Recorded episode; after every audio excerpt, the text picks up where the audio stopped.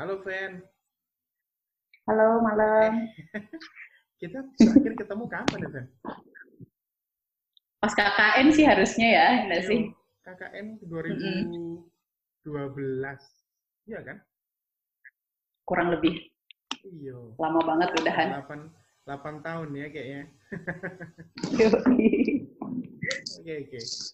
Eh, Feni ini sekarang jadi dokter hewan ya, Fen? Di Bali.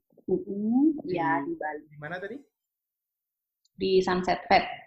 Oh, serius? Iya. Wah. Nah, orang non HI pertama ya. Iya, karena karena biasanya yang yang diajak ngobrol backgroundnya HI. Sekarang kita pengen ngobrol Hmm. dari sudut pandang eh, dokter hewan nih. Oke, monggo monggo. Aku aku tuh per- semenjak pertama ketemu kamu, aku Mm-mm. aku itu pengen nanya begini. Dokter hewan itu kan sering kali nggak ngerti sih kalau kalau di circleku ya selalu dibercandain. Mm-mm. Jadi Mm-mm. kamu po- kamu profesinya apa? Aku dokter eh, titik titik titik jeda jeda jeda Mm-mm. hewan gitu kan selalu jadi jadi punchline komedi. Mm-mm. kamu kamu ngerasa gitu juga nggak sih Ben? Iya, sebenarnya itu enggak dari enggak dari lingkup pertemanan aja sih. Jadi dari keluarga juga tuh kayak gitu, Mas. Tapi kalau keluarga besar, eh, basically mendukung sih mereka. Tapi kalau misalnya kayak keluarga yang agak jauh gitu masih kayak ya masih ada beberapa yang kayak underestimate dulu pas masih waktu kuliah. Terus kayak mau plannya apa nanti ke depannya gimana, karirnya gimana, kayak gitu sih. Oh, gitu. Masih cukup awam untuk mereka. Jadi kita udah biasa sih kayak gitu. Iya. Heeh. Tapi karena memang eh, apa ya banyak orang ya betul tadi katamu tadi underestimate ya. Heeh. Iya benar. Se- seberapa parah tuh underestimate-nya? Kadang tuh sampai dipercanda ini ini real aja sih mas. Dulu waktu masih kayak kuliah tuh, misalnya pas lagi pulang tuh, misalnya kayak yang oh eh, dokter hewan apa nanti yang mau di ini yang mau disembuhin ini apa kayak nyembuhin semut ah, kayak gitu apa. nanti kalau misalnya aku punya ajar semut yang sakit atau apa serangga yang sakit nanti periksa ya kayak gitu maksudnya kayak bercandaan sebegitu sih kayak gitu tapi sih nggak diambil hati aja lah ngapain Oke oke oke. iya kurang lebih kayak gitu sih jadi udah biasa Wow. Eh, wow wow betul betul. Karena iya kurang ajar juga tuh yang bilang sembuhin semut. iya serius sampai ada yang kayak gitu mas Oke. Tapi gini, sebenarnya tugas dari eh, dokter hewan itu ngapain sih? Mm-mm. Ah oke. Sebenarnya itu banyak sih lingkupnya dokter hewan itu cukup banyak.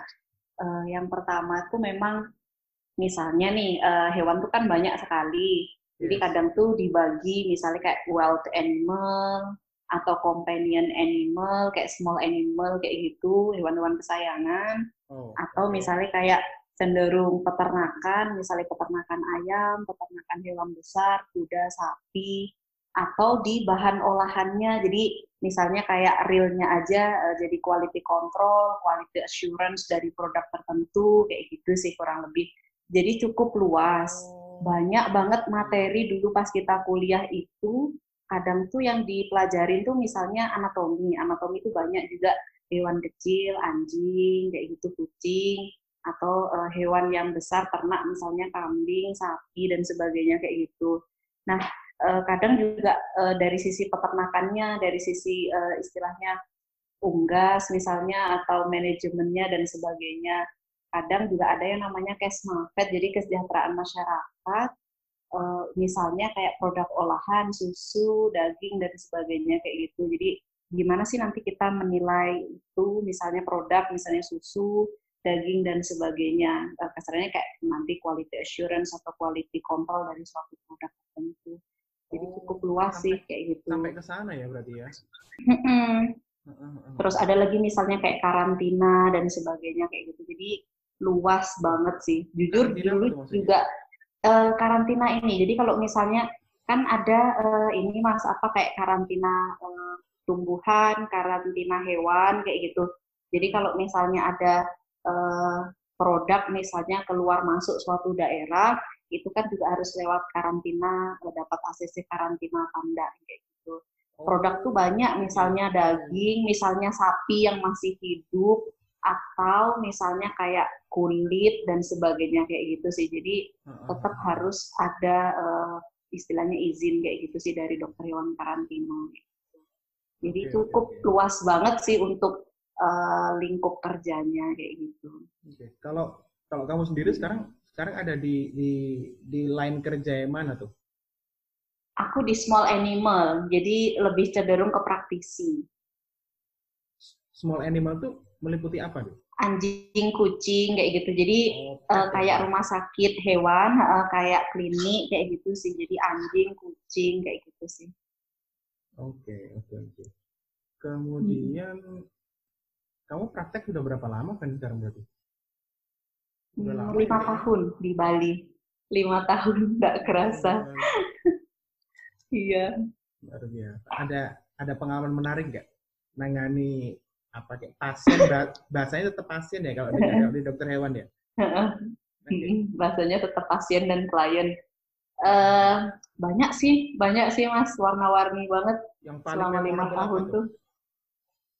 Paling memorable apa ya? Uh, klien yang yang tidak menyenangkan. Waduh, Kayaknya di semua kerjaan ada ya gitu ya. Iya, pasti pasti wajar wajar wajar. Oke. Okay. Jadi ya itu sih, terutama uh, komunikasi sih. Soalnya kan maksudnya pasien kita kan nggak bisa ngomong. Jadi informasi itu yang kita gali banget itu dari ownernya atau dari kliennya. Kadang kalau misalnya ownernya istilahnya nggak begitu tahu uh, gimana kondisinya di rumah, kita juga susah kayak gitu. Sedangkan kalau misalnya uh, dengan kondisi yang masih general, mereka tidak informatif banget, saat kita anamnesa atau cari informasi, misalnya kondisinya di rumah gimana, otomatis kan akan lebih banyak tuh kemungkinannya atau different diagnosanya. Jadi saat mereka tuh kompensasinya biasanya saat kita tawarin beberapa tes, ada beberapa mereka yang kosensitif yang kayak gitu. Jadi kayak ya memang informasi itu penting banget saat istilahnya pasien itu tidak bisa ngobrol dengan kita apa yang mereka rasakan, ya harus dari kliennya itu sendiri. Tapi kalau kliennya sendiri itu tidak begitu tahu kondisi hewannya, sudah yang bikin susah kayak gitu. Kaitannya dengan tadi kan ya, aku gini-gini, konteksnya gini, aku kan awam ya, uh, aku aku nggak familiar dengan line of workmu, Kemudian aku juga mm -hmm. bukan bukan orang yang memelihara uh, hewan peliharaan tak di rumah. mm -hmm. uh, kenapa hewan itu juga butuh dokter kan? I mean. Oke. Okay. Uh, uh, you know what I mean kan? Maksudnya? Iya. Uh, uh. Secara biologi sama sih mas mereka tuh maksudnya kayak fisiologis tubuhnya kurang lebih sama kayak manusia kurang lebih ya. Uh, maksudnya kayak uh, jujur penyakit-penyakit yang di sini yang kita temui itu di Bali juga karena kebanyakan kliennya maksudnya pendatang kayak gitu. Dan oh. bahkan mereka tuh kayak temen kayak gitu. Jadi mereka tuh lebih punya effort yang besar kayak gitu untuk cari tahu apa sih penyakit uh, apa hewannya kayak gitu. Soalnya mereka pikir tuh itu enggak sekedar hewan aja. Jadi kadang tuh udah kayak keluarga atau teman kayak gitu.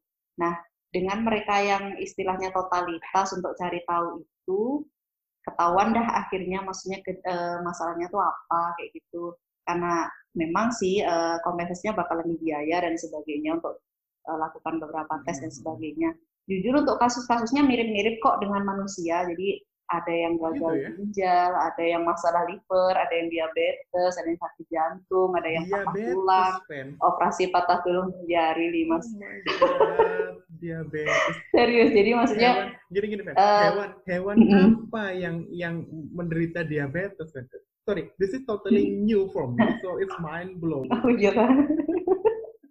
Iya serius, serius, serius. Jadi bener banget karena kadang tuh mungkin uh, mungkin agak begitu awam karena uh, di beberapa mungkin daerah dan sebagainya itu kadang uh, apa ya totalitas owner sih. Jadi maksudnya untuk kita uh, lakukan beberapa tes itu kan terbatas. Jadinya kalau misalnya mereka juga terbatas terutama dari sisi ekonomi sih. Soalnya kan tahu sendiri Indonesia juga negara yang masih berkembang. Yes, jadi ya okay. maksudnya pasti kebanyakan orang tuh uh, nomor satunya tuh kayak kesejahteraan manusianya dulu kayak gitu. Jadi hmm, istilahnya hmm. kesejahteraan pet itu kan nomor sekian nih kayak gitu. Nah, untuk para pendatang karena mereka istilahnya dari develop country yang kayak gitu enggak kayak kita kayak developing oh. country yang kayak gitu jadi apalagi mereka udah yang kayak setara gitu karena udah kayak saudara udah kayak keluarga jadi mereka hmm. lebih totalitas lah untuk oh, cari tahu pendatang itu maksudnya uh, eh, WNA ya maksudnya WNA oh, iya sih oh gitu ya tapi tadi uh, hewan yang diabetes itu hewan apa kan Anjing, kucing ada loh. Oh gitu? Wow. Sama gula darahnya tinggi, terus disuntik-suntik insulin sama lah kayak manusia. Oh, oh I see. Wow. Luar biasa. Gak bener, aku ini mind blowing sekali. Serius.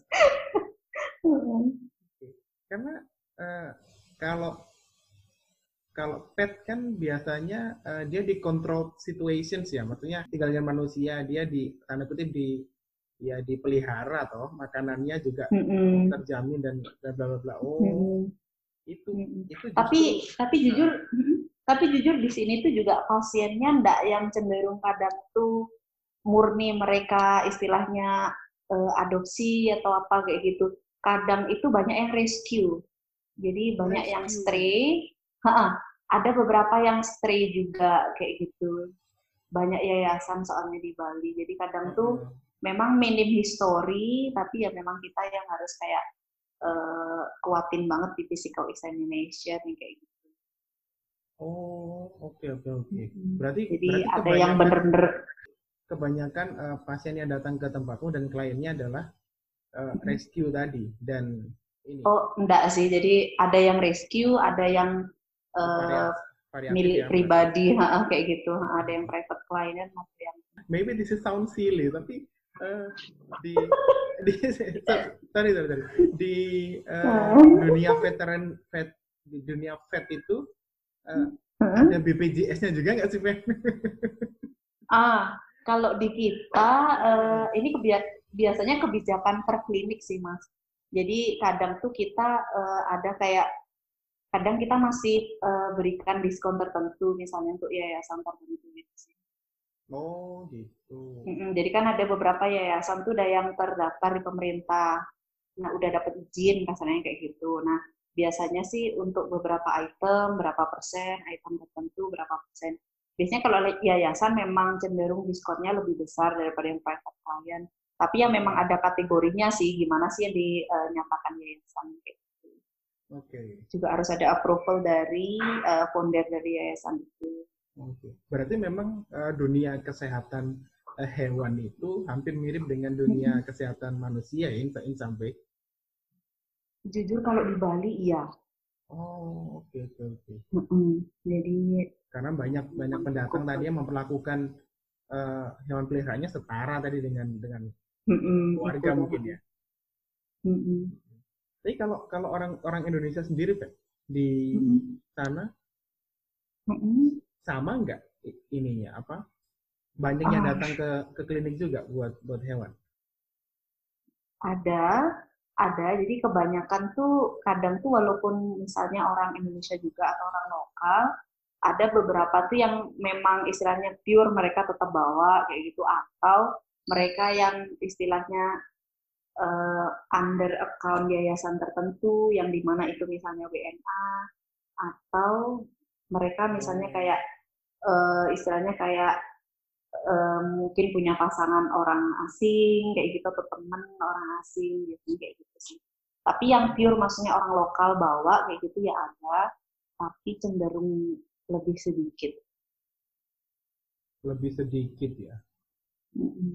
Biasanya hewan peliharaan yang yang yang aneh-aneh uh, pernah nangani mm-hmm. ya kan hewan peliharaan orang-orang sekarang ya ada yang ular, mm -hmm. ada yang buaya, mungkin mm -hmm. ada yang buaya enggak lah ya. Iya, yang nggak tahu. Kalau mungkin, kalau mungkin ada. Uh, uh. Kalau di klinik sih mayoritas anjing kucing, tapi ada beberapa misalnya kayak eksotik atau reptil kayak gitu. Tapi memang untuk dokter tertentu sih yang biasanya bikin appointment dengan dokter tertentu, enggak semuanya. Oh, kalau kamu memang fokus mm -hmm. di apa anjing dan kucing dan di di, yeah, kategori anjing itu. dan ya? kucing. Yes, companion animals. Aku tuh gak membayangkan gimana orang bisa examine uh, examine misalkan uh, reptil kayak buaya gitu. Wow, hmm. dokter hewan ini luar biasa. Iya sih. Lagi uh, dulu kan dulu banget kan pernah uh, viral ada gambar dokter hewan yang masuk ke anus gajah tuh. Dia mungkin ex main. Serius? Sampai, iya dulu, uh. dulu tau. Eh, dulu banget. Aku ya di situ imajinasiku soal dokter hewan itu jadi liar sekali. Jadi ya, wow. jadi aneh. Sampai kayak gini ya. Tapi itu itu itu bener ya, Ben. Hal-hal kayak gitu tuh kejadian ya. You treat animal really like you mean it. Iya sih, memang gitu sih. Iya, iya, iya, iya. Amazed banget kayaknya ya. Iya, iya, betul, betul. Karena eh, kalau iya kalau ngobrol dengan dok, dokter eh, dokter eh, dokter umum misalkan kan ya sudah ketahuan toh. Kita bisa bayangkan dimensi mm -hmm. etiknya dimensi fisiknya gimana penyakitnya. Ini kalau dokter hewan mm -hmm. uh, ini ini ini baru pertama aku ngobrol dengan. Dan kita kayaknya dulu KKN juga nggak nggak ngobrolin yang professional things kayak gini. Iya sudah. Kakek kuyon malah gitu. ngobrolin broker ya. Gak jelas. Menyok ya. Menyok. Uh, menyok adalah menyok. Festival menyok. Menyok itu apa ya Vincent Singkong. Singkong, astaga, singkong. Iya, kan kita bikin iya. festival menyo iya, dulu kan. Luar biasa. Ya itu khas KKN-nya uh, eh, kampus Bojonegoro. Bojonegoro. Yoi, memorable banget ya. ya karena ya banyak hal-hal uh, ngawur yang terjadi waktu KKN. Oke, oke, oke. Oke. Eh, apa lagi ya? Pengalaman menarik dengan klien fan aku aku pengen nanya ada nggak yang sampai mm -hmm.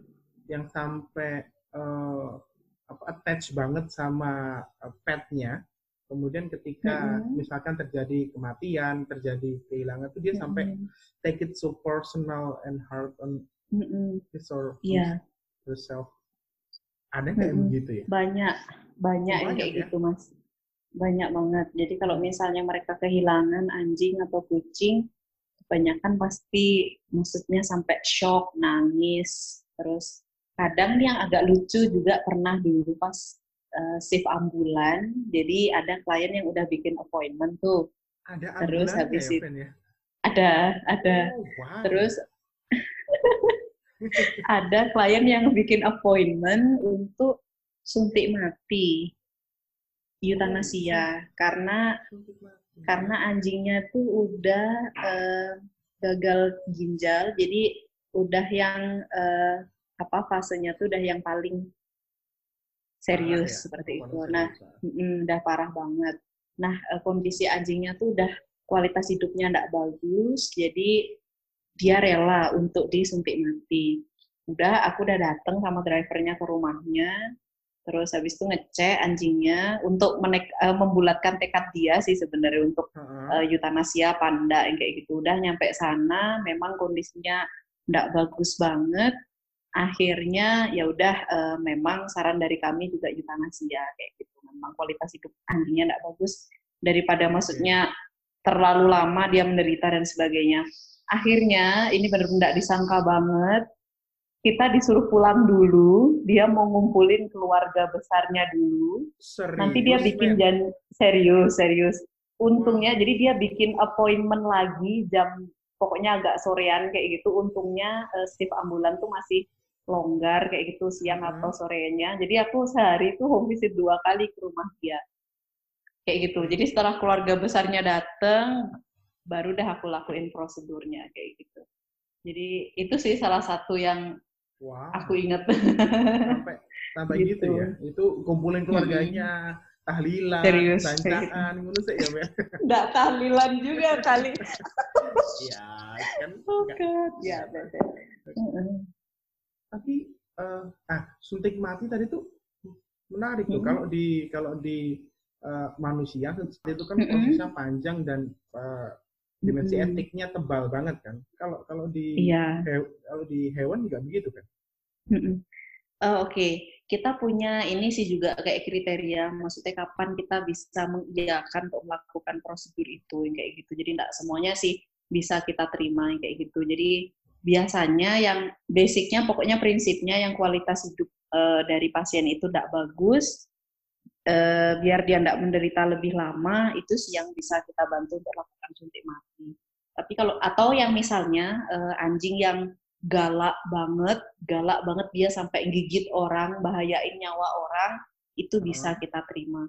Nah, tapi kalau misalnya yang misalnya pernah kita juga ada yang datang dia sakit kulit udah bertahun-tahun tidak sembuh-sembuh sampai kurus yang kayak gitu, hmm. terus habis itu dia datang dia nyerah kayak gitu dia mau suntik mati ya ndak kita terima karena maksudnya itu bukan uh, yang seharusnya kayak gitu. Oh, nggak nggak masuk kriteria hmm. yang bisa di uh, mm -mm. Soalnya maksudnya tipikal anjingnya yang masih kayak dia masih mau makan, kualitas dia masih ada keinginan untuk hidup yang kayak gitu. Jadi ya tidak seharusnya kita memotong memotong okay. uh, eh, nyawanya istilahnya kayak gitu. Uh, kalau uh, aku itu li, uh, gini gini gini sekali lagi aku nggak nggak familiar dengan prosedur-prosedur kedokteran hewan ya, Ben. Uh, so mm -hmm. pardon me kalau pertanyaannya sangat awam. Karena ini memang benar mm -hmm. genuinely pengen ngerti. Kalau di Discovery mm -hmm. Channel ya, itu kan aku beberapa, mm -hmm. beberapa, beberapa kali lihat ada uh, eh iya ya, rujukanku Discovery Channel. mm -hmm. ada ada uh, dokter hewan lagi lagi operasi itu, lagi operasi uh, hewan. Mm -hmm kemudian di luarnya hmm. itu pemiliknya nungguin dengan dia ber uh, kayaknya depres dan dan khawatir banget itu beneran begitu kejadiannya hmm. Uh, kalau di kita sih biasanya untuk untuk prosedur kayak operasi kayak gitu biasanya ditinggal sih jadi nggak ditungguin ownernya biasanya mas. Oh ditinggal jadi mm-hmm. Itu ya apa oh, yang, mm-hmm. yang ditangani di ini nah, di diambil lagi gitu. Mm-hmm. Kayak gitu. Karena aku aku melihat uh, waktu lihat tayangan itu aku akhirnya comprehend gimana cara gimana feeling orang yang punya hewan dan ditinggal buat peliharaan aku nggak aku nggak bisa bayangkan gitu. Iya, iya sih, mereka ada yang sih yang sekhawatir itu gitu. Kalau dokter hewan itu uh, ada yang takut sama hewan tertentu nggak sih Ben? Jujur ada sih, aku sendiri aja. Oh gitu, serius? iya, serius. Dirimu kan dulu sangat uh, tatak sekali waktu zaman kakak. Enggak sih, ya memang sih ada sih. Mesti ada yang misalnya jijik tertentu, jijik cica, uh -huh. atau atau yang takut ular kayak gitu ya ada sih kayak gitu. Jadi ya memang enggak kan enggak semua bidang dari uh, kedokteran hewan kita bisa handle semua kan kayak gitu karena terlalu luas juga. Jadi ya memang kalau udah misalnya uh, terbawa kadang ada yang terbawa arus ke misalnya small animal atau terbawa arus ke peternakan atau terbawa arus ke misalnya uh, kesehatan masyarakat dan sebagainya kayak gitu tapi biasanya uh, udah ini sih kalau udah terspesifikasi jadi lebih fokus di situ gitu. Oke, okay. kalau dirimu takut apa emang Fen? Ular. Oh iya iya iya. iya. Ya, Saya juga. Iya manusiawi aja sih. manusiawi banget ya. Pasti ngeri juga, ular piton, hmm. anaconda. Wah. Waduh. ya begitulah. Tapi, tapi pernah nangani ular, Fen? Uh, temen sih, kolega sih, tapi ya maksudnya di klinik ini juga kayak gitu ada juga. Oh gitu, nggak kirain dirimu harus hmm. overcome fear-nya. Oh tadi. no, tidak, tidak. Enggak ya. tidak, kita saling melengkapi di sini. Betul. Oh no. iya, iya, kalau dengan ular yang ngeri. Aku tuh bayangin kalau aku jadi dokter hewan, wow, gimana jadinya? Iya. Enggak sih, enggak semuanya kok. Terus apalagi pengalaman menarik Bu Fen selama berdinas di sana? Pengalaman menarik apa ya? Uh, tadi yang sama klien, terus hmm. palingan sama pasien-pasien yang tidak rela untuk dipulangkan karena terlalu lucu banyak. Tidak, tidak rela. Oh, tidak rela dipulangkan. Iya. benar lucu banget. Ya, ya, ya. Itu sih kurang lebih hiburannya, hiburannya kurang lebih. Eh, mm-hmm. tadi kamu sebelum kita mm-hmm. uh, nyambung call ini, kamu kan lagi dengan mm-hmm. pasien uh, mm-hmm. UGD ya bahasanya. Mm-hmm. Ya, ada uh, emergency lah tadi. Emergency itu mm-hmm. se-emergency apa? Hewan? Oh tadi tadi sesak nafas mas. Oh hewan itu sesak, sesak nafas. nafas juga ya, Fen? Aku baru tahu ini beneran serius. Bisa. Iya bener. Iya. Iya iya iya. Apa tadi? Uh, kasusnya apa? Anjing, kucing? Anjing. Oh anjing. Mm-hmm. Anjing sesak nafas, anjing diabetes, mm-hmm. anjing. Oh ternyata itu ya. Variatif ya. Iya variatif. Ya, terus aku aku beneran sampai sekarang belum kebayang gimana kondisi kesehatan uh, hewan uh, karena hmm. ya nggak pernah bersentuhan langsung dengan itu. Iya iya. Ya. Kalau ada kecoa aja kita kadang-kadang ngeri ya. Iya begitulah. Oke, okay, Oke. Okay. Thank you Siap. for sharing. Sorry mengganggu waktunya ya. Uh, Sama-sama, enggak apa-apa. Ya, stay stay safe di sana. Semoga aman-aman uh, mm -hmm. saja semuanya. Thank you, Fanny. Amin, amin. Ya, stay healthy. Bye-bye.